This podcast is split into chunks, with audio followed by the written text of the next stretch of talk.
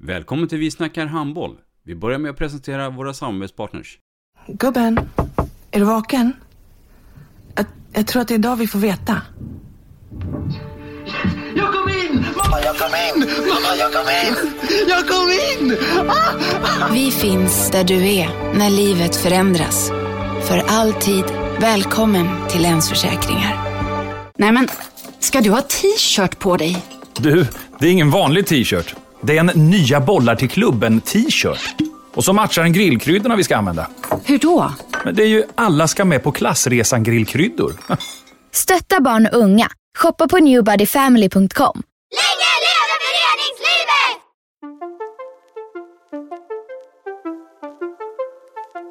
Välkommen säger vi till dig som lyssnar till den nya handbollspodden Vi snackar handboll med Robban Z och Dagge. Vi snackar handboll, där du får veta alla sanningar som du inte visste att du missat. Vi snackar handboll.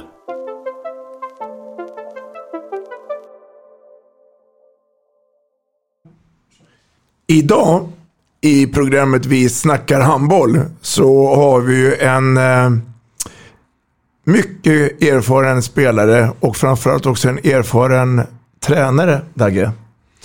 Ja men precis, vi har Martin Bokvist med oss här idag. Eh, en eh, gigant som spelare och numera även förbundskapten för eh, A-landslaget, A-landslaget tillsammans med Glenn Solberg. Välkommen! Tusen tack! Sven Martin Bokvist, född 2 februari 1977 i Göteborg. Vem är det? Ja, det är ju det är Martin, född i ja, stadsdelen Backa i Göteborg. Eh, idrottskille i grunden, alltså tokigt idrottsintresserad har alltid varit. Eh, hållit på på gården eh, jämt med ja, landhockey, fotboll, allt, allt, allt. Eh, ingen i familjen som har eh, spelat handboll innan. Så började jag spela fotboll när jag var sju år i Hisingstads IS. Och av någon anledning så var det väldigt många i laget där som redan spelade handboll i Varta. Jag vet inte varför, för Varta var inte ens närmsta klubben utan det var borta i Biskopsgården då. Mm. Men, um, efter ett tag när jag, ja, fotboll tyckte jag var roligt så frågade han om jag inte ville följa med på handboll. Det roliga var att min bästis när jag var liten, eller en av mina bästa vänner fortfarande, han spelar handboll, han är två år äldre än vad jag är. Så vi har spelat ganska mycket handboll på gården också. Uh, kastat och skjutit så som man, man gjorde förr i alla fall utomhus. Så uh, frågade var en träning en lördag morgon och jag blev upphämtad och sen så jag var tio år då. Så jag började trean med handboll. Ja, sen dess har det varit handboll, fotboll parallellt då fram till i åttan kanske, nian, någonting sånt. Och sen blev det handboll för hela slanten. Mm. Hur var det som elev på skolan? Jag, jag, vill ju säga att jag var kanonbra. Nej men jag var, jag, var, jag var väldigt, väldigt blyg när jag var liten. Ja. Eh, så jag var nog ganska tyst och tyckte skolan var ganska rolig generellt sett. Jag har haft lätt för mig i skolan. Mm. Idrotten tyckte jag var fantastisk. Eh, men jag, jag har alltid trivts i skolan. Jag hade, inga, jag hade lätt för mig så det är klart, då blir det ju lätt också. Mm. Mm. mm. Du, du äh, började ju som tioåring säger du, äh, HP Varta. Äh, jag minns ju den 77-kullen i Varta som eh, kanske en av de allra mest dominanta genom alla tider egentligen. Eh, jag för mig att ni gick igenom dåvarande pojkallsvenskan som obesegrade. Eh, och vann allt ni kunde vinna liksom. Vad, eh,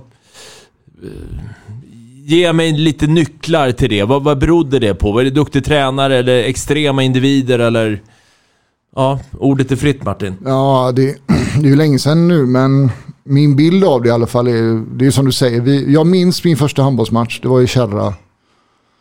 Med Vartas 77 då, Kärra borta och vi förlorade med 3-2, det var en nedsänkningsribba. Jag minns att vi förlorade. Sen, så jag, jag, tror inte när jag ljuger nu, men sen förlorade inte vi en enda match till mot svensk motstånd. Mot 77 Tills juniorlaget lades ner.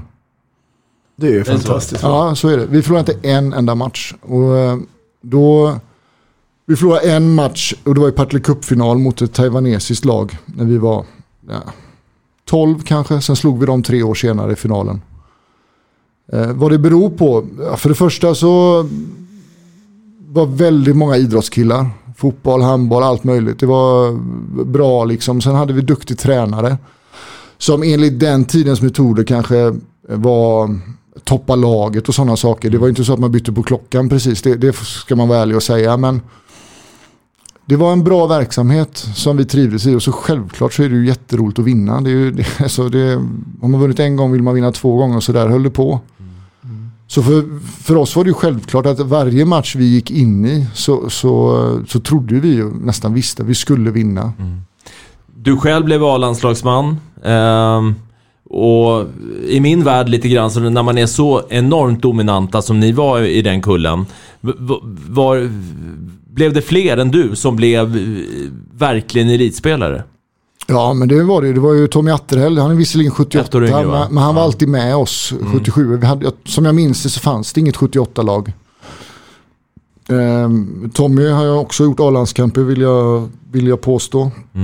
Sen så hade vi Christian Berntsson som spelar många år i högsta serien i Sverige. Eh, glömmer jag. Sen Johan Höckefors också högsta serien med Varta vad jag vet. Eller det vet jag. Sen så kanske han var, jag tror Stefan Spik, en målvakt, gjorde också några säsonger i högsta ligan. Så det är ju rätt så, säkert glömt någon också nu. Men eh, det är ändå rätt bra utdelning ur en kull. Men det säger också lite om att även om vi var väldigt, väldigt dominanta så, så är det inte så lätt att det är inte självklart att, att, gå nästa steg. Man ska vilja det och så vidare. Och det är ju inte säkert man vill det när man är, inte vet jag, 17-18 år. Liksom. Det, Mm. Det blev ju ett nästa steg. Jag tänkte vi skulle Mm. vänta med det lite grann. Eh, vem hade vi som tränare på den tiden? Kent Berntsson heter han. Det var, Ja. han I var Christians pappa? Christians pappa, ja. Ja. Och eh, han, eh, han var även min fotbollstränare de första åren. Sen la han väl ner eh, fotbollen lite. Han tyckte väl, ja, som de flesta andra, att handbollen var roligare. Det är inte så konstigt, vi vann ju hela tiden. Vi var, vi var rätt duktiga i fotbollen också. Liksom sådär, men, Ehm, det var, sen gick han över till handboll. Men han var aldrig, alltid väldigt bra det här med valet fotboll och handboll. Han var tydlig med som jag minns det nu. Det är ju, ju 30 år sedan detta drygt. Men att, att eh, när, när säsongerna krockade och det kanske var en kupp samma helg så fick man välja handboll eller fotboll och det la han inte någon värdering i. Och på den tiden valde jag oftast fotbollscupen. Jag tyckte fotboll var roligare. Eh, och sen så man, som jag sa uppväxt i norra Göteborg. Det var inte ofta det var gräsmatcher direkt. Så var kuppen på gräs, då ville man ju vara med på den. Eh, men då var det, då hade man valt sin fotboll och då, då, ehm, då var man inte liksom med. Så, så det är så jag minns det. Men det kan inte ha hänt så ofta. Men det är en sån här grej jag minns i alla fall. Du, du, du säger ju det att du hade ju liksom ingen i din familj eller spelade handboll sådär. Men fanns det idrottsbakgrund och framförallt fanns det en stöttning kring dig och ditt idrottande? Ja, alltså det har ju aldrig varit några problem. Jag är ensam barn så att jag vet inte vad alternativet var nej, nej. riktigt. Ja, men det var alltid mat på bordet hemma och så Ja, åker vi och Martin kom tillbaka sen. Ja, ja, precis så är det ju. Och, Ja. Mat på bordet och, och sådär. Men, ehm, alltså, Full- följde de dig också? Ja, men jag, Var de med på alla matcher och det? Som är dagens... ja, alltså matcherna i Göteborg med omnejd så var de ju titta Ja, naturligtvis. det, var men, inga, det var inga curlingföräldrar. Nej, det, det, det vill jag påstå att det inte var. Nej. Men ehm, det är klart, man får sätta allt i sitt perspektiv. Mat på bordet, är det curling? Nej, det Nej. tycker jag kanske inte det. Men eh, jag, har, eh, så jag har aldrig behövt pushas att gå till träning. Nej. Jag har alltid tyckt det var Roligt. roligt. Ja, och att eh, om laget tränar, då tränar jag. Mm. Alltså det har liksom inte varit någon alternativ att inte träna. Liksom. Jag, inte, jag vet inte vad jag ska göra med tiden. Om, så, men jag tyckte nog fotboll var roligare fram ända till eh, 8-9 någonstans sådär. Eh, men där blir man ju två meter lång nästan och vä- 100 kilo. Då är det svårare med fotboll. Du pratar om lagidrotter där, fotboll och handboll. Är, är du en, liksom, en lagmänniska i så mått då? Eller hade du, med all den talang och storlek, hade du kunnat liksom nå eh, till närmelsevis eh, lika långt i en individuell idrott, vad det än må vara? Friidrott kanske? Nej, jag tror inte det. Men eh, nej, jag, jag har varit duktig på alla idrotter. Jag, liksom, men om jag, alltså det blir väldigt hypotetiskt. I fotboll har jag inte blivit det. Eh, Men eh, kanske. Man vill ju tro det i alla fall. Men eh, nej, jag vet faktiskt inte. Jag vet inte. Diskus. Det, jag har ju träffat de här eh, diskuskastarna nu.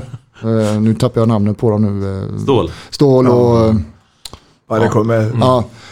Eh, Pettersson. ja, Pettersson. Ja, jag, jag har ju träffat dem på OS här nu och jag vill nog påstå att jag hade nog inte nått dit. De var ju otroligt bredaxlade och det hade jag nog inte riktigt. Nej. Du, eh, Dagge, eh, Martin har ju kvar dialekten. Mm. Den göteborgska fina dialekten. Eh, idag är du familjefar. Mm. Och du eh, en riktig handbollsfamilj. Ja, stämmer. Berätta lite. Ja, det är ju att bägge mina barn då, Vidar och Arvid, spelar handboll. Eh, Och min fru har ju spelat handboll på hög nivå. Hon stod i mål i landslaget på slutet av 90-talet. Fick tyvärr sluta runt 2003 kanske på grund av skador. Så att handboll har ju alltid, det är ganska naturligt för oss att ha på en handbollsmatch på kvällen. När andra har på, jag vet inte vad folk har på hemma på tv. Men en fredagkväll i soffan kan mycket väl vara Kristianstad, Ystad. Det är ingen som har något problem med det. Vi tycker det är kul att titta på och prata om. Och, Mm. men, ehm, så att det, handboll är... Kan det bli för mycket Mina barn ibland? kan ju inte säga samma sak. Att det inte har varit handboll i familjen. Det, det kan de ju inte säga. Nej. Utan det är naturligt. Vi tycker det är roligt. Vi gillar handboll. Vi gillar handbollshallen. Men Trivs försöker du som familjefar också eh, lära barnen att göra andra saker? Om det sen är att gå på teater eller eh, gå ut i skogen och hugga ved eller? Man försöker ju, men å andra sidan så, jag menar, jag själv är ju handbollshallen, jag tränar ju A-pojkar och mm, är på matcher. Alltså jag gör ju, jag gör ju handboll liksom mest. Men det är klart, eh, lille, lille Vidar då, lille, han är 12 år nu, han, han har ju sin pingis och fotboll också. Vi är ju väldigt noga med att det ska vara kul.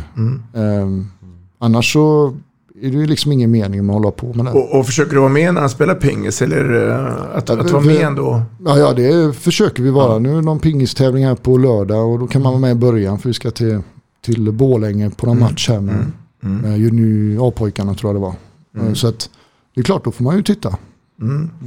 Den här Vartaresan, den började ju då 98. Eh, sen blev det ju RIK. Ja, den slutar 98. Ja, förlåt. Det är rätt. Du har helt rätt. Det är rätt. Eh, och RIK,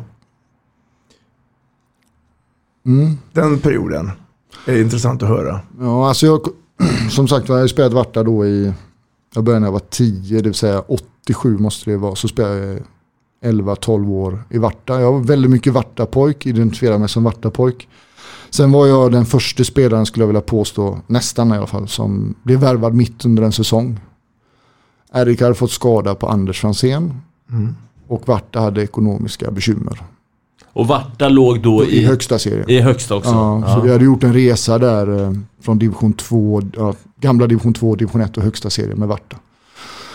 Så jag är inte säker på att, det var inte helt självklart för mig att liksom byta klubb på det sättet. Det var ingen strävan jag hade riktigt. Liksom, även om jag hade varit med i landslaget lite och sådär så, så jag trivdes väldigt, väldigt bra i Varta. Men det var, jag ska inte säga att det be- bestämdes ovanför mitt huvud, men det var ju tydliga indikationer på att det här var vad Varta ville och vad RIK ville. Inte mot min vilja, men kanske inte min direkta vilja heller. Så första tiden i RIK blev ganska, vad ska man säga, desillusionerad. Alltså jag, eh, det var ett helt nytt sätt att spela på. Det var ju liksom crème de la crème. Det var väldigt... Eh, Tänkte just komma till det. Ja. Visst var det så att du fick sitta en del Ja, där ja, jag och var fick inte det utrymme som du Nej. hade varit van vid? jag vill minnas, jag hade ont i hopparknä också som, som jag slet lite grann med då. Men... eh, Och här är du 22 ungefär då? då. Ja, precis. Och det Ja. var ju en ny verklighet för mig. Och det, det är väl genomgående så i min, eh, min handbollskarriär att om jag inte har känt mig trygg eller sådär. Jag kan ha trivts bra men inte känt mig trygg riktigt i så har det inte fungerat så bra. Så det tog, eh, det tog en stund för mig att, att eh, komma upp i varv i RIK. Men när jag väl gjorde det så får man väl säga att då gick det riktigt upp i varv. Hur lång tid tog det innan du verkligen var akklimatiserad? Nej, det, det gick väldigt upp och ner ska jag säga. eh, I ett år Jag ungefär. tänker på den här säsongen när du gjorde 17 eller 19 eller var det 21 mål du Ja. det? Alltså, Det var väl där, den våren där det började lossna ordentligt. Eller lossna ordentligt, man kan ju inte säga så men det var då jag... Det tog nog ett år att akklimatisera mig helt och hållet. Eh, någonting i den stilen. Eh, Och från det så var det ju väldigt lätt att spela RIK. Helt plötsligt. Det gick från det ena till det andra, ytterligheten på något sätt.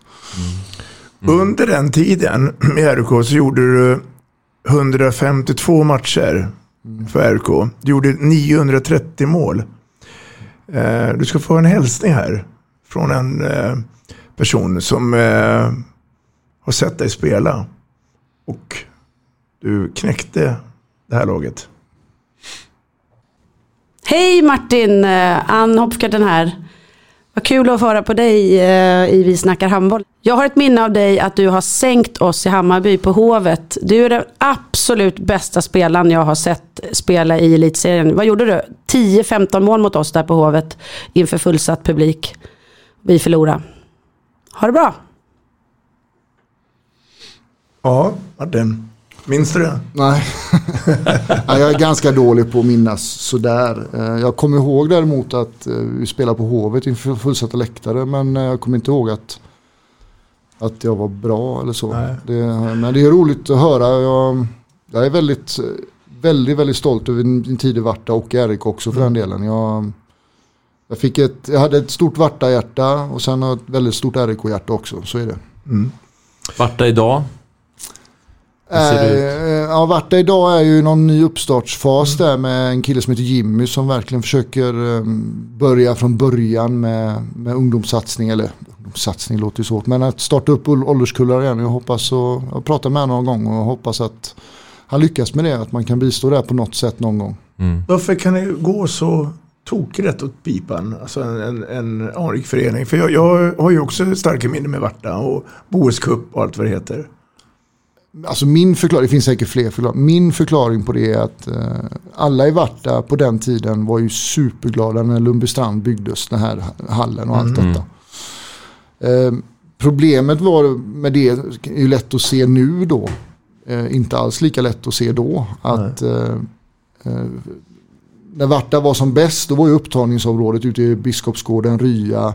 Och sen när man blev äldre så fick man flytta in i Vallhalla och träna och spela där då. För det fanns ingen hall i, i, på Hisingen riktigt så.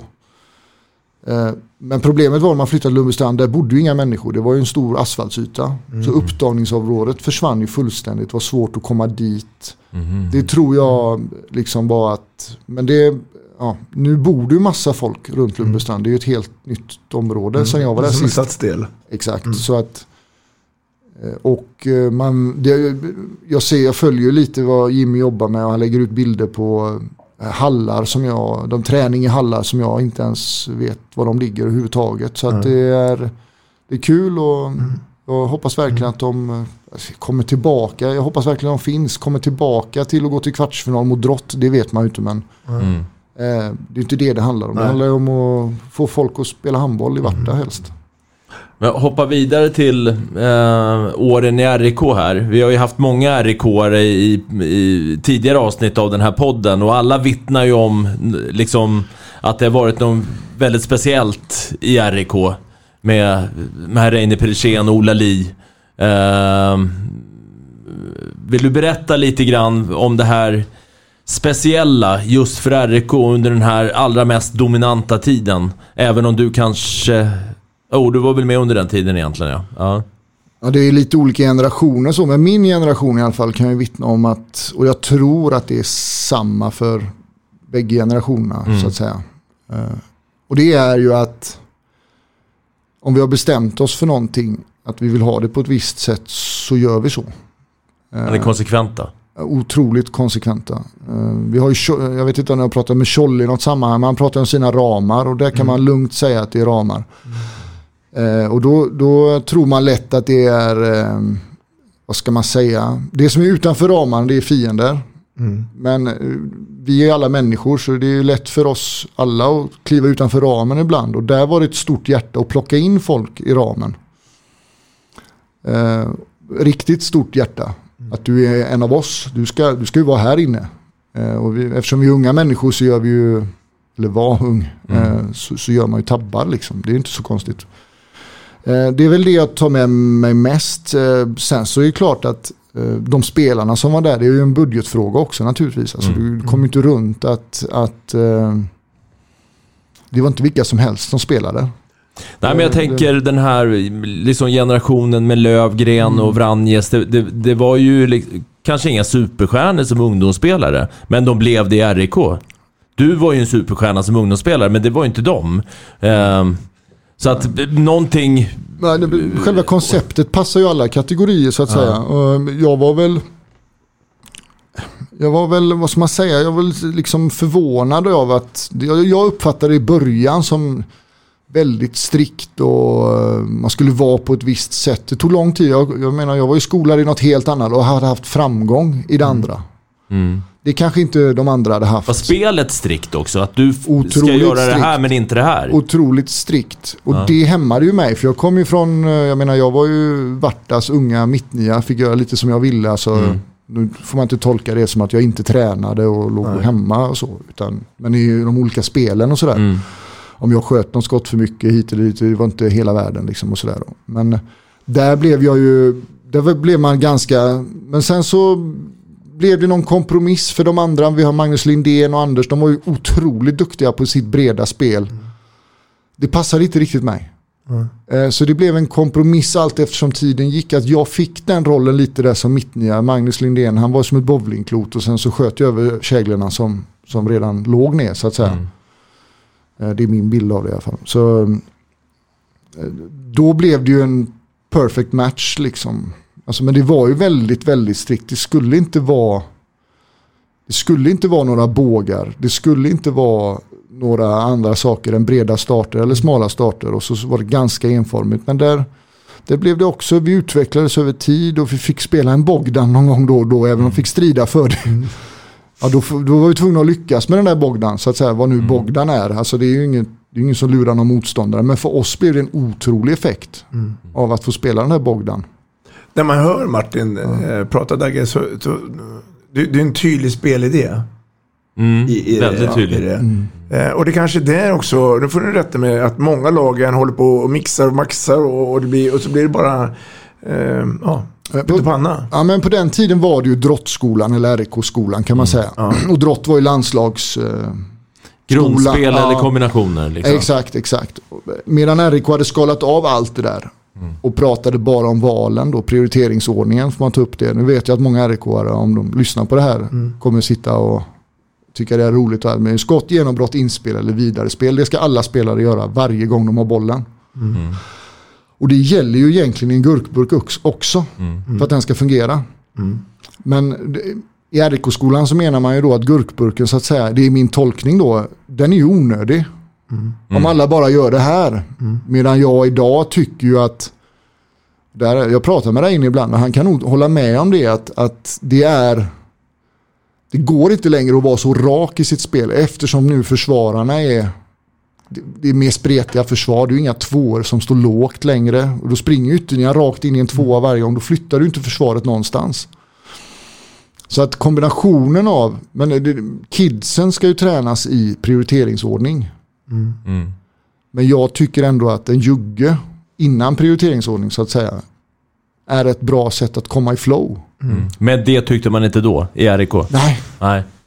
Medan vi spelare kanske upplevde i början i alla fall, jag minns de här diskussionerna, det, det, att, att vi skulle gå liksom från 100% till 120% i anfallen. Eh, medan vi kanske ville ha en Bogdan för att börja på 80% för att kunna träff, Sen, ja. träffa 100%. Mm. Och där fick vi ju otroligt utväxling av det. Sen kom Wislander hem, vi hade Beutler i mål. Så att det är inte bara detta. Frändesjö och vi hade ruskigt bra spelare alltså över hela linjen. Så att, eh, men eh, det är min bild av det i alla fall. Jag tycker att det var, det lärde jag mig mycket av. Mm. Den här Bokvistresan fick ju sen ett, eh, ett annat skede. Mm. Du hamnade i stora landet Tyskland Ja, och Kiel. ja.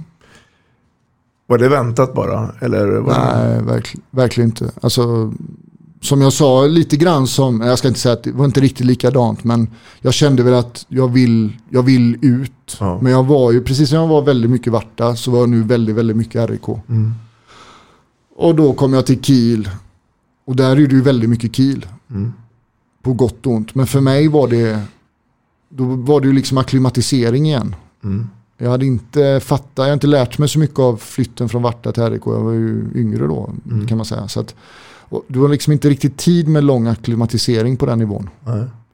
Så det gick eh, återigen väldigt mycket upp och ner. Jag hade mina bra perioder i Kiel också. Men jag hade många ja, längre dåliga perioder eh, också. Och det, det går liksom inte. Mm. Ehm, så, så Kiel blev, jag trivdes ju bra så men jag kände inte riktigt att, det, det var ju återigen då så var det tillbaka till en, att vi ska spela så här, du ska göra så här, exakt. Och eh, jag fattar ju rent teoretiskt det och jag tycker själv att det är bra.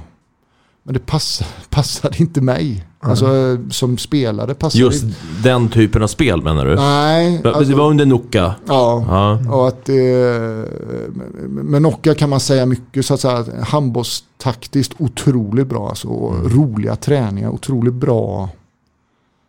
Liksom, hade man problem med en match så kunde man definitivt räkna med att nästa träning då tränar vi på att lösa det problemet. Mm. Det var otroligt inspirerande på många sätt. Men han hade ett sätt som var, det går inte att beskriva här. Eh, det passade helt enkelt inte mig. Jag var jag har ju väldigt, väldigt svårt att, eh, jag hade väldigt svårt då att ta att någon utgår från att man inte gör sitt bästa. Att- Blev du anklagad för det? Alla blev det. Mm. Jag kunde inte då bara skita i det. Mm. Alltså jag kände att eh, liksom, jag, jag blev provocerad och liksom, jag tyckte inte om det. Helt enkelt. Och så, Vi, vilka andra svenskar var där under din resa i, i eh, Kiel? Lövgren och Lundström, Alm, eh, Johan Pettersson, Staffan hade flyttat hem? ja, Mm. Mattias Andersson. Mm. Och jag är rädd att jag glömmer någon nu, jag tror inte det. Tror du att alla de här du räknar upp nu som var liksom samtida med dig i Kiel, har de samma liksom, uppfattning? Delar de din bild av Kiel och Nocka? jag tror att, ja, jag tror att de delar själva grundbilden av det Mm. jag säger. Sen så tar vi det på olika sätt. Mm. Och jag tog det inte på, för Kielmiljön på ett bra sätt. Jag trivdes inte i det. Helt enkelt. Och, och som jag sa innan, trivs jag inte, känner mig inte trygg, då har det inte fungerat på mig, för mig. Och det var inget handbollsrelaterat, du kände att du egentligen räckte till liksom? Alltså, Ja, det var väl det man började tvivla på också. Liksom. alltså, Det blir ju naturligt. Hönan ägget där vet jag inte. Men eh, jag kände att nej, jag, jag fick inte ut handbollsmässigt det jag ville. Och då, då blev det så här att det var otrolig fest alla matcher. Hemmamatcherna 10 000. Men träningarna blev för mig en pina bara. mm. Och då, det, det kan liksom inte väga upp en fest i veckan och ha... Alltså det, det blev fel balans för mig. Mm. Helt enkelt. Och då, då kunde inte jag motivera mig att vara, vara där för länge. Nej. Så att säga. I den tiden så spelade du också i blågult Ja, med eh, herr Johansson. ja. Märkte han att eh, det, det stämde inte riktigt för dig? Alltså kunde han hjälpa dig på något sätt? Där, eller? Nej, nej, nej, inte så. Inte så, Nej. För- Du Min förstår vad jag roll, tänker? ja, men min roll på den tiden Bengan var tränare är ju att jag var ju spelare nummer, vad vet jag, 16, 15, 16 Mm. någonting. Det fanns många spelare som stod före mig i kön Mm. vad det gäller uppmärksamhet Mm. liksom. Så att det förväntar jag mig inte Nej. heller. Så att det, Nej. nej. Vi kommer kanske in på det lite längre fram. Det blev i alla fall två säsonger i Kiel. Mm. Eh, tror du det var många som sen i, eh, höjde på ögonbrynen och sa att nu ska Martin till Köpenhamn? Eller trodde de att de skulle vara kvar i Tyskland, men en annan klubb? Eller var det ett val du gjorde, Nej, men, ja, Jag, förmodligen själv då? Men, Ja, jo, verkligen. Det är jag ju noga med att sådana där val ska jag göra själv. ja, helt för där, där var du längre. Det var i fem år. Vi Ja. trivdes eh, verkligen bra i Köpenhamn. Mm. Fantastisk stad. Eh, Fick ju den rollen som jag trivdes med. Det tog ju lite lång tid där också. Men jag var lite så här sargad efter Kiel-tiden. Mm. Självförtroendemässigt. Men sista tre och ett halvt åren i Köpenhamn och något. Så då var jag nog. Jag gjorde inte lika mycket mål. Men man får inte glömma att i RIK. Då var det ju straffläge. Då var jag. Ja, Mm. Mm. eh, bättre liga i Danmark och sådär. Men, men ehm, jag, vi trivdes otroligt bra. Där spelar jag också väldigt, väldigt bra handboll tycker jag Mm. själv då. Mm. Så att eh, eh, det var en bättre miljö för mig helt enkelt. Kommer du ihåg den tiden? Läge? Ja, fast jag kommer ju ännu bättre ihåg åren efter Köpenhamn i och för sig. Ja. Men vi kommer ju dit. Ja. Ja. Eh, Men jag vet att det var, det var väl eh, Mattias Gustafsson spelade väl i Ja. Köpenhamn. Christian Svensson, Ja. Tommy Atterhäll, eh, ja, Varta koloni, Fredrik, alltså. Lind, ja. Fredrik Lindahl var där också. Det var många. Pelle Linders var där. Och, Ja. Blev Köpenhamn så bra som du hade hoppats då, som lag? Eller, eller, eller fick, ni, fick ni den där fullträffen? Jag, jag, jag tänker inte riktigt så. Jag förstår din Nej. fråga. Ja. Men jag, det är ju mitt lag. Så det är bra. Ja. Liksom. Mm. Det, alltså, Mm. där det, representerar jag det här så står jag för det. Mm. Mm. Så det är jag bra. har liksom inte, sådana tankar har inte jag riktigt. Nej. Eh, på det sättet. Har, du, har du några kontakter idag med Köpenhamn? Ja då. Ja. Ja. Men det, den finns ju inte kvar som handbollsklubb Nej. utan det är en fotbollsklubb. Det är rätt. Mm. Det var väl kanske då också men vi hade det otroligt bra där. Ja. Mm. Mm. Och Kiel idag? Är det mera... Ja, lite kontakter med gamla lagkamrater men det är, ju som, det är ju så. Man har ju varit i en del lag. Man kan inte hålla kontakt med alla. Det blir Nej. otroligt många men det är ju några som fastnar liksom mer än andra. Precis som jag gissar om folk byter jobb Mm. i normala fall. Ja, det, är- Eh, liksom, det är rätt. Men då kommer vi in då på det som Dagge var lite överraskad på då. Ja, jag minns ju att det briserade som en, ja, nästan som en bomb i handbolls-Sverige. Att, eh, du säger ju själv att du kanske stod på toppen av din handbollskarriär där, de här sista åren i Köpenhamn. Eh, och alla kan förstå att steget ner till den här briserande bomben, att spela med Västerås i division 1 eh, i Sverige var ju alltså ett enormt monumentalt steg liksom. Och jag minns ju hur otroligt överlägsen du var i och med att jag coachade ju mot dig och du var spelande tränare och sådär och jag kom dit med mitt i princip juniorlag, födda 90 och möta Martin Bokvist liksom. Uh, jo, jag vill nog hävda liksom att det kan inte ha funnits en bättre division 1-spelare genom alla tider i svensk handboll faktiskt. Det var lite häftigt och det inspirerade oss faktiskt mycket. Och, eh, och jag minns som att det var, det var jämna matcher också. ja, jag tycker hela nog att vägen. ni vann oftast faktiskt. Vad tänker du när Dagge berättar det här?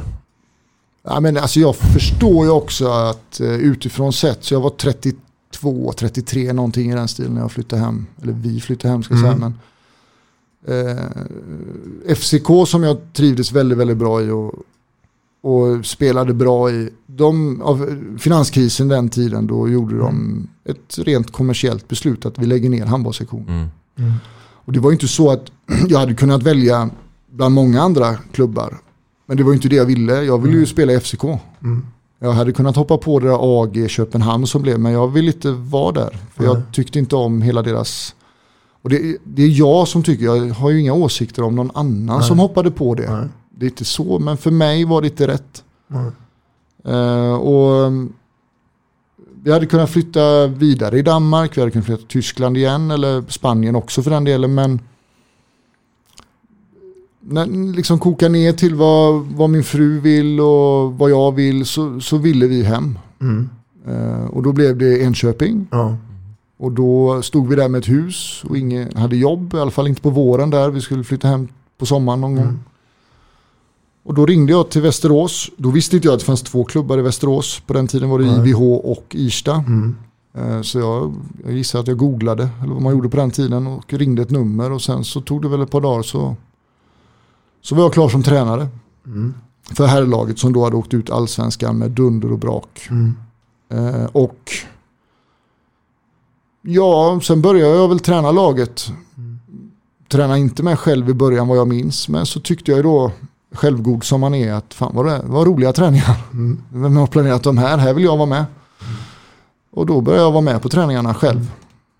Och ehm, jag tyckte det var skitroligt alltså. Jag tyckte att jag fick en, eh, en kick igen. Att träna på basics, att inte vara så taktiska hela tiden. Att verkligen träna handboll igen, komma i fart brett, släppa Mm. boll, kontra och springa. Och så. Ehm, så ja, så det blev ju tre år till med, eller vart, med Västerås ehm, som spelare då, spelande tränare. Mm. Mm. Som eh, jag aldrig trodde att det skulle bli. Nej. Ja, det lite följdes ju åt där, från division Ja. 1 upp till Allsvenskan och upp i Elitserien. Mm, Mm. Under tre år på raken faktiskt. ja. Och, och det var ju naturligt då att du skulle flytta till Enköping tack vare Jenny, Ja. din fru. Det var inte aktuellt att hamna i Göteborg igen. Eller fanns det en diskussion också när ni pratade ihop er där? Nej, egentligen inte. Nej, Nej. utan, inte vad jag minns. Nej. Så, Och, och, och det är ingenting man idag ångrar eller sånt där. Utan Nej. man gör sådana val. Man gör sina val. Ja, och så, jag menar, vem, det, det handlar inte om mig där. Det handlar om var mina bra barn trivs och var min fru trivs någonstans. Och jag säger inte att de inte skulle trivas i Göteborg till exempel, eller någon annanstans. Men trivs de där då Mm. spelar det inte så stor roll vad jag tycker. jo, det gör det ju med. Sen vet inte jag grabbar om, om, om det var en överraskning eller inte. Men efter Västerås så hamnar du i, i Solna-klubben, Rico. Hur kom det sig då? Nej, men jag hade gjort eh, då tre år som spelande tränare och två år som eh, bara tränare. Mm. Kände att ja, fem år är ganska, det är rätt lång tid ändå. Kände att det var inte aktuellt att flytta någonstans. Och så kom Rico och de var på väg uppåt där och jag kände att nej, men jag, jag hoppar på det. Det var inte så svårare än så. Det kändes, det kändes bra Mm. och kul. Mm. Var Rico allsvenskan eller Nej, det elitserien var då? elitserien då. Ja. Ja. Mm. Mm. För ni, har- ja just det, precis, stämmer det. Ehm, och så hamnade du tillbaka till Västerås. Så gjorde jag väl två och ett halvt år i Rico eller någonting i Ja. den stilen. Och så... Hade du lite otur där? Otur, ja. Eller tar du på dig att det gick dåligt? Självklart. Ja. Alltså det jag är en stor del av det. Men, men eh, det var inte bara det sportsliga. Jag, jag, jag vill inte gå in för, på det för mycket. Men, men eh, det var många eh, orsaker till att jag såg upp mig lite abrupt där. Så kan vi säga. Inget jag är jättestolt över. Men Nej. det var ett val som var tvungen att, man var tvungen att göra det valet och gjorde jag det. Vi har ju pratat i tidigare avsnitt här Robban om Stockholmsproblematiken. Att bedriva elitidrott, eller egentligen alla lagidrotter förutom fotboll då. då. Eh, Kände du av det i Rico? Alltså brist på sponsorer. Nu hade väl ni i och för sig kanske en jättesponsor då, då men, men, men, men hallbrist. Nej, vi hade det bra. Avseende det hade vi det väldigt bra i den här Råsta parkhallen Mm. tror jag den Ja. heter. Och, och, nej, det, det finns inte, men det var... nej, Jag vill, jag vill inte prata om det för mycket, men jag eh, har ju kommit någonstans dithän att jag har haft väldiga ups i min karriär Mm. som handbollsspelare och väldiga downs också. Och jag är ganska duktig nu att känna när det inte är när det liksom inte är det upp inte till mig stämmer. själv längre. Eh, Så länge jag känner det så jag, alltså, att det, jag kan påverka det här på ett bra sätt. Men när jag inte känner det längre då, då, då kämpar jag inte längre för det att alltså, då, får det vara, då får det räcka. Mm. Mm. Det är ehm, eh, för ehm, det kostar mig för mycket att inte må bra liksom. Att inte trivas med det jag gör. Och det, det behöver jag inte längre. Tänker du så som Martin Dagge? För ni, ni två har hållit på sen, eh, Mm. ja, stenåldern tänkte jag säga, men Ja, jag har inte funderat så mycket runt det kanske, men, men eh, jag, jag köper ju absolut att det är viktigt att må bra. Och det är viktigt att det är roligt, eh, känner jag. Så att, eh, mm, ja, det, det känns centralt för mig i alla fall. Och apropå roligt så händer någonting 2016. För då ham- hamnar, hamnar du på och med landslaget. Ja. Och det var ju naturligt, alltså det var ju överraskande. Ja. Du fick ett samtal från... Ja, typ Lasse Tjernberg eller om det var Ja. Krille, jag kommer inte ihåg. Men... Nej. Och det kände jag ju direkt att, det här är kul. Och så lite diskussioner och sådär. Sen så, ja, men det är klart jag vill göra det här. Mm. Och det har jag ju inte ångrat många gånger. Det är ju klart, man ångrar det när man torskar en kvartsfinal i OS. Så att säga. Mm. Det känns ju Mm. inte jättebra efteråt. Men, Men- Just det där kon- konstellationen, du och Krille Andresen där. Ja. Lärde ni känna varandra under den här tiden? Liksom det är bara tre mil mellan Eskilstuna och Västerås och de i, i Guif och du i Västerås och ni spelar elitserien båda två. Var- det så kontakten knöts? nej, inte alls. Nej. Väldigt lite kontakt med Christian innan det där. Utan eh, vi hade nog gått någon TS2, TS3 ihop kanske. Mm. Det är egentligen det enda. Sen telefonsamtal när man pratar om någon spelare sådär om, Mm. och så. Men jag, det funkade bra från dag ett tycker jag. Mm. Och, mm, sen det tycker jag gör med Glenn också idag. Alltså det funkar jättebra. Jag trivs väldigt bra i min roll.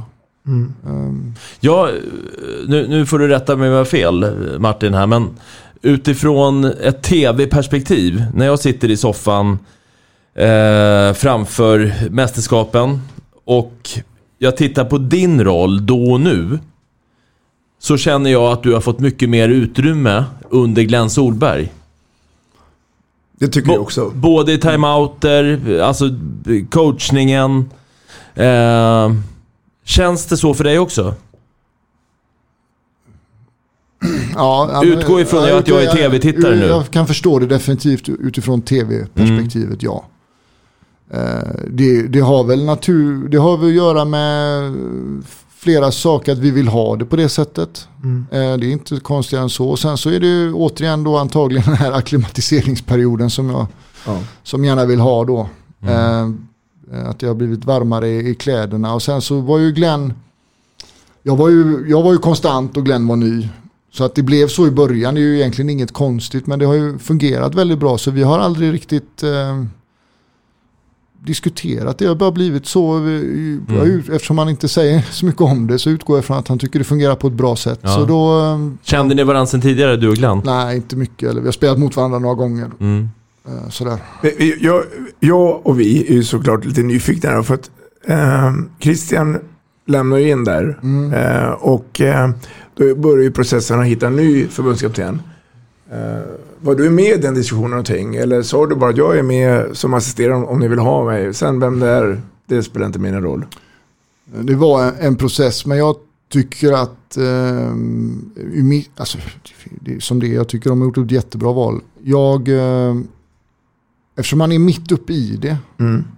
så är det jättesvårt att prata om att eh, till exempel hur skulle du göra? Mm. Alltså man blir hemmablind och Mm. så jag jag var med men det var inte så Nej. från min sida i alla fall. Men, men det, det känns i alla fall Dagge, att eh, Martin är ganska anpassningsbar. Alltså han, Ja, lojal och anpassningsbar ska jag känna. Eh, eller skulle jag tycka. men- är vi ute och cyklar eller håller, håller du Nej, med? men ja, jag, jag är det om, om jag gillar det jag ser. Ja. Om, jag, om jag gillar det vi håller på med. Mm. Om jag inte tycker att de här ramarna passar. Om jag inte tycker att laget jobbar på ett sätt som jag vill stå för. Mm.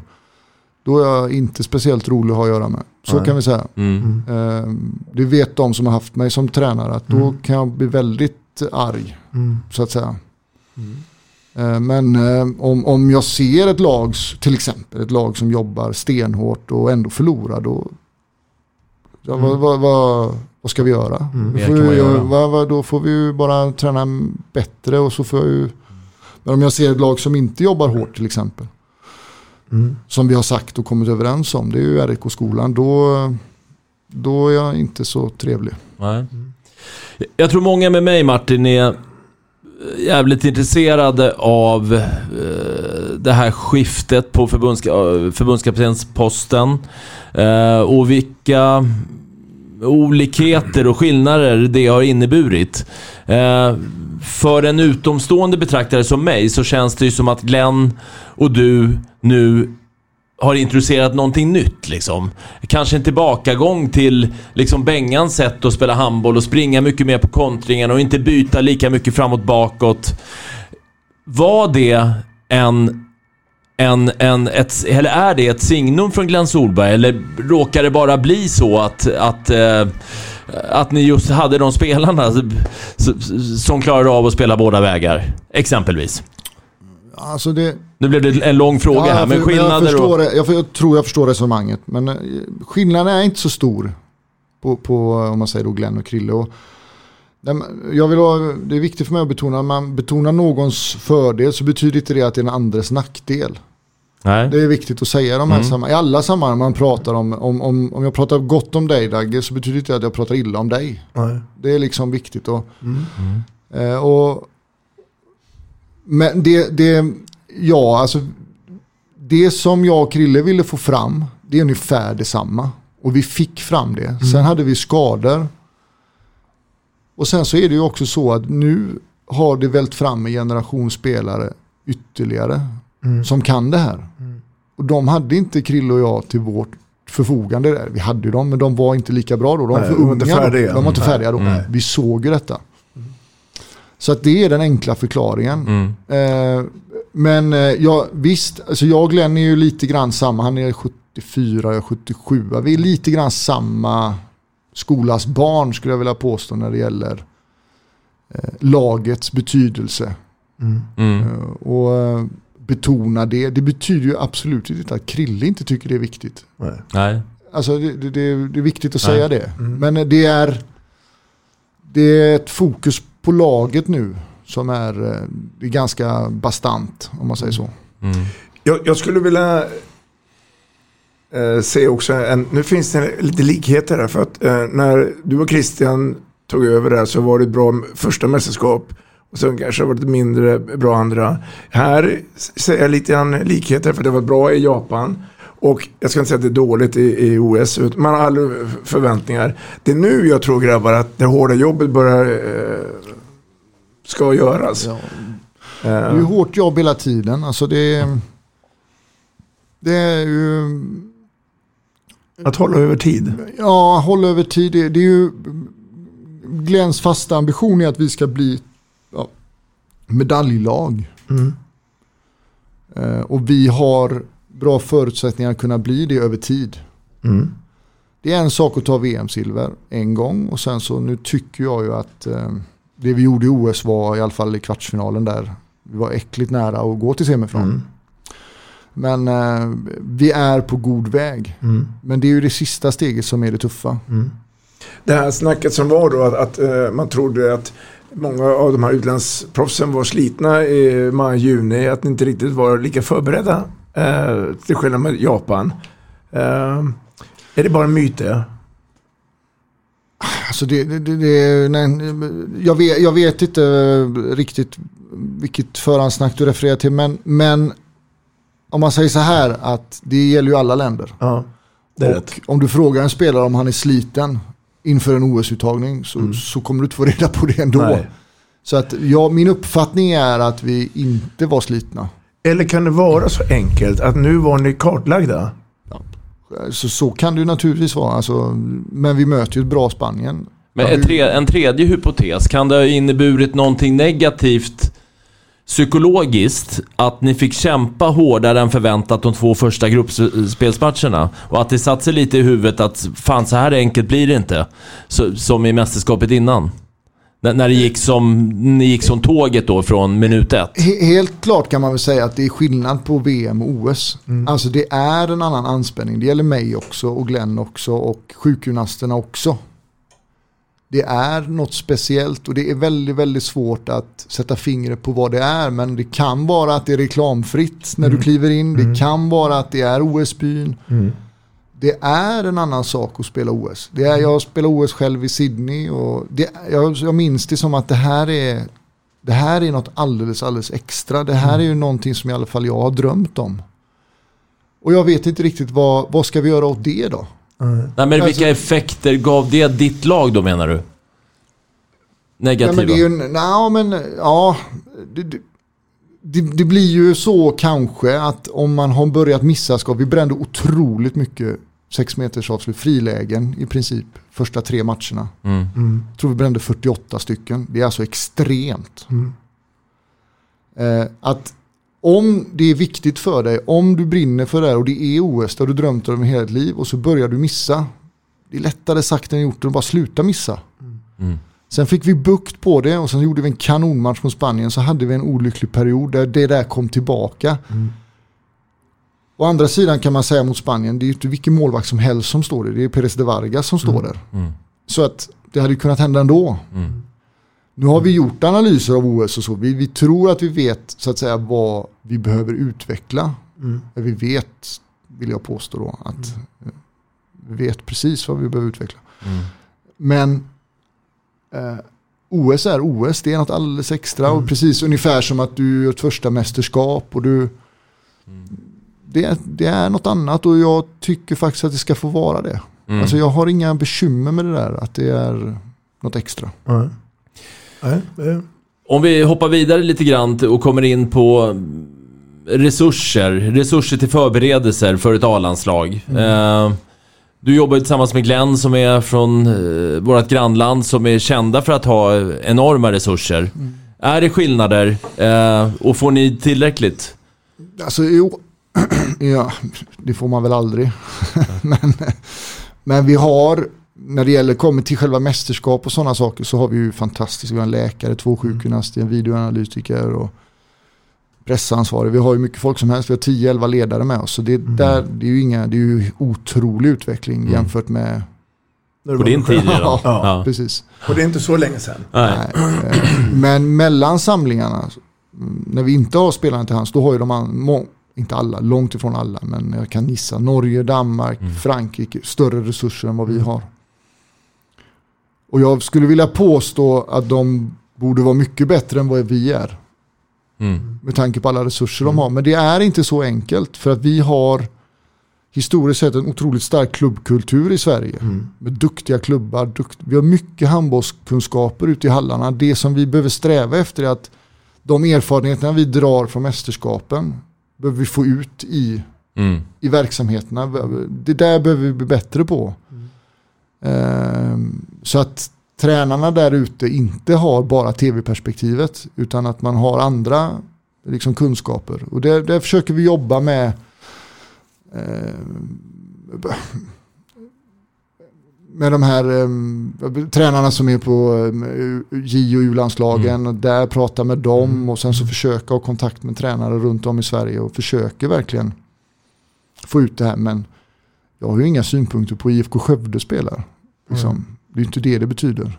Liksom. De får väl, de, de, det är ju deras klubb, de ska vinna sina matcher. Mm. Rollerna mellan dig och Glenn, jag tänker nu när eh, ligan spelar och, och Europacupen är ehm, Hur, hur pratar ni här då? Säger ni jag kan pummarkera de här spelarna så tar du de här spelarna? Eller sitter ni ibland och tittar på samma match och sen så ringer ni varandra? Och, Ja det händer ju också. Att Ja. vi sitter och ser samma match så skickar man lite meddelanden till varandra. Att fan Ja. han ser bra ut och, och sådär. Men eh, inför en sån här samling, nu har vi tagit ut en trupp och den har ju stötts och blötts för att eh, ha den och nu försöker vi följa upp. Han tar ju fler, jag, jag, jag jobbar halvtid med det här så han Mm. får ju ta fler. Han jobbar Mm. heltid. Och sen försöker vi hålla, håller jag kontakter med sex spelare kanske det var, jag kommer inte ihåg. Följer upp dem lite så att vi vet, försöker veta var de befinner sig när de kommer till samlingen. Alltså är de, känner de sig i form eller vad, vad är de liksom? Ja, du, du som är liksom på den internationella arenan Martin. ehm, om jag relaterar till, om jag ser gamla arkivbilder från eh, VM-finalen 90 i Prag, när vi slog igenom, det är 30 år sedan nu, eh, så slås man ju av hur oerhört mycket handbollen har utvecklats och hur mycket fortare det går. Utifrån ditt perspektiv, vad tror du hur kommer det se ut om ytterligare 30 år? Hur har det förändrats? Det är, det är svår, så här vill jag svara på den. När man är mitt uppe i det så är min reflektion just nu att det är ganska enahanda handboll i den, i den utvecklade delen av handbollsvärlden, alltså Europa. Det är Mm. rundgång, det är jugga, det är kantövergångar. Alla lag spelar, Rimbo spelar också så. Skåne, Strand med. Ja, Strand med. Ja, jag alla, alla lag spelar ungefär Enköping. samma. Ja, Enköping. Alla lag spelar de här spelen. Eh, Jag tror och hoppas att eh, det är något annat än 7 mot 6 som kommer hända. Jag tycker man börjar se det med lite mer aktiva kantspelare, det här korta inlöpet ut. Det blir på detaljnivå de här sakerna. Det sista spelet kan liksom inte vara uppfunnet. Jag, jag vill inte tro på det, men jag, jag eh, tycker det är lite, man ser ibland vissa tränare, vissa lag. Så Berlin mot Toulouse igår, de hade lite intressanta rörelser tycker jag. Sen om de går att systematisera likadant som man gör i Jugge till exempel, det är väl nästa fråga. Man kan inte bara spela lura-lura-spel. Men, eh, jag hoppas och tror att det kommer komma något, någon ny form. Eh, försvaret har utvecklats mycket. Den senaste, inte vet jag, med lite höga tvåor Mm. på en del lag och en del. Så det gamla defensiva 6-0, det går ju inte att spela längre. Så Nej. som det gjorde, det går inte. Du var ju tidig med det i Västerås för Ja, övrigt. precis. Och systematiserade det Mm. stenhårt då. Eh, men eh, det var ju ett spel som passade det laget. Eh, jag, jag hoppas och tror att det, det kommer nya anfallsöppningar. Eh, för nu är det lite väl, tycker jag, likartat. Mm. Det borde gå att tänka utanför den boxen. Men jag vet inte riktigt, jag har inget svar på frågan så att säga. Ehm, sen så kommer det bli mer och mer atletiskt. Det är ofrånkomligen så. och Det gäller ju alla idrotter. Mm. Eh, och där tycker jag vi i svensk handboll har tagit stora, stora steg, vilket är positivt.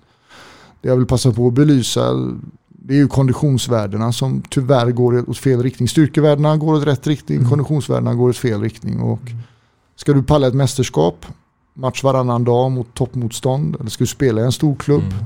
Match, varann, nej inte varannan dag, men två matcher i veckan mot toppmotstånd. Du måste återhämta dig, Mm. annars blir du skadad Mm. i princip. Mm. Eh, Så det är bara ut och springa. Mm. Men eh, jag hoppas att det kommer eh, någon annan typ av spel.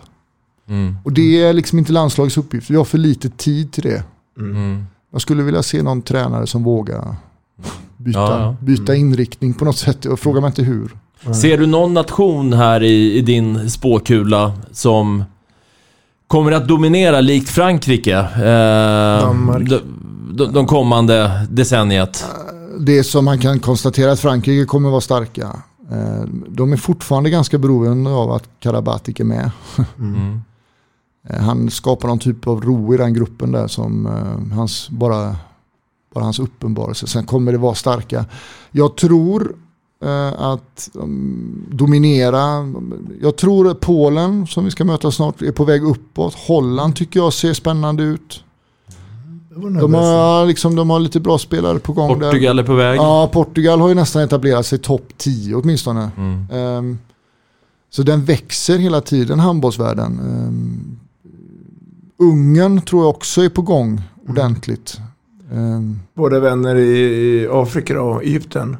Ja, de kommer vara starka länge. Ja. Det tror jag. De har en jäkla fin Kan- generation. Kan handbollen få, få liksom fotfäste i hela Afrika? Om jag är relativt, jag är gammal så jag minns ju fotbolls-VM 74 när, det, när, när- afrikanska länder var med och torskade med 10-0 i gruppspelet och sådär. Eh, eh, sen 30-40 år senare så är det så är de liksom i nivå med världseliten.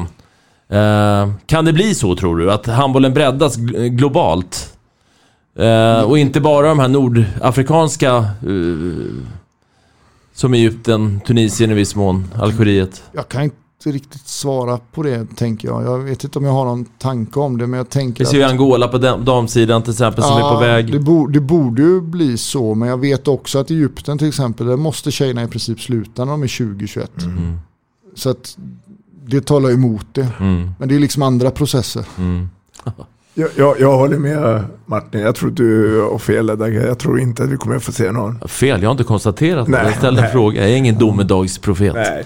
Eh, Bara en kortis här. Eh, Glens eh, land, Norge där. Det kändes som att de inte riktigt var på um, hugget.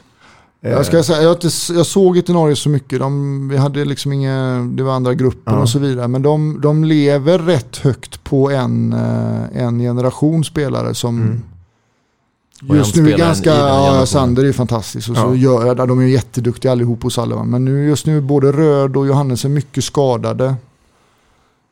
Man trodde, men jag har sett Elverum en del då. Och då får man väl konstatera att det kommer också unga killar där som jag inte visste vilka de var. Men de håller rätt bra nivå. Sen är det alltid svårt att säga. Liksom. Det, är, det är en nivå till landslag. Tänker vi i alla fall. Sen får man se om de lyckas. Men vi har fler spelare underifrån. Ja. Det vet Vi har fler. det vet Okej. vi. Ja. Det var min nästa fråga här. Hur, hur, hur, hur känner du runt återväxten? Ni har plockat ut Erik Johansson nu till exempel. Som är superintressant och liksom tvåvägsspelare. Nej, vi, vi har, som jag ser vi har fler. grym, återväxt. mm. Eh, det måste jag säga. Vi har Erik, vi har eh, Ludde Hallbäck i Bjärringbro, vi har Bogojevic i Bjärringbro, vi har de här killarna är inte gamla liksom. Mm. Tåget har ju verkligen inte gått för någon av de här spelarna. Nej. Men just nu är det tufft att ta sig in i landslaget och så ska det ju vara. Alltså det, är, det är massa med spelare som jag tycker kommer fram. Som står, ja dessvärre i en ganska lång kö också. Men det, det är Mm. trevligt för mig, men värre för dem. Mm. Martin. Eh, årets sambospelare två gånger. Elitserieskytteligavinnare fyra gånger. Dansk mästare. Tysk mästare. Några SM-guld med RIK. Fantastisk meritlista du har. Jag tänkte du skulle få avsluta lite grann. För du har ju också då två stycken barn som gillar handboll. Tror du att de kommer att bli lika bra som pappa? Det, är en, det går inte att tänka så riktigt, tänker jag. Jag, jag eh, vi är väldigt noga hemma med att det är liksom inte, det är inte vi som är måttstocken. Mm. Eh, det blir olidligt om jag skulle jämföra mig med, med så Jag tycker inte om den tanken. Det handlar, eh, återigen, eh, mina barn spelar inte handboll för mig. Mm. De spelar ju för sig själva. Om de vill sluta i övermorgon så är det väl så. Liksom. Alltså, Men de hade nog inte spelat handboll om inte du och Jenny spelat handboll. Det tror jag i alla fall. Nej, det, så, så kan det ju vara naturligtvis. Men, eh, men jag, nej, jag, jag är väldigt noga. Jag är ju A-pojkstränare, jag är ju tränare, jag är äldsta grabben. Jag är väldigt, väldigt noga med att jag är, så att säga, inte hans tränare. Nej. Jag är lagets tränare. Och, eh, men det är klart, man är ju inte mer än människa. Så det är klart man, eh, man, man gör misstag så att säga. Och, men det, det ha- Hans och lillebrorsans handbollsspel eller idrottande, eller, det handlar ju inte om mig. Nej. Det handlar om dem. Det är ju så jag och Dagge brukar skoja om det där. Blod är tjockare än vatten. Så att det, det finns ju då. Det där ska man ha en väldig respekt för. Alltså. Absolut. Mm. Dag, du, dags att sammanfatta dagens gäst. Vad får du för intryck av Martin Bokvist? Eh, till att börja med tycker jag varit ett, eh, en in, otroligt intressant timme eh, med eh, en Martin Bokvist som är ödmjuk med båda fötterna på jorden. Eh, som ser väldigt nyktert och nyanserat på, eh, på sin roll egentligen. Både som förälder och, och ja, numera ledare då för A-landslaget. Eller numera, sen en tid tillbaka. Så att så skulle jag väl nog vilja sammanfatta den här timmen. Det var en ära att ha det här i Vi snackar handboll. Eh, timmen går fort. Tack och lycka till nu framöver Martin. Tack så mycket, vad kul att vara här. Tack Martin. Vi snackar handboll, där du får veta alla sanningar som du inte visste att du missat. Vi snackar handboll. Vi snackar handboll produceras av produktionsbolaget High On Experience, från vision till passion.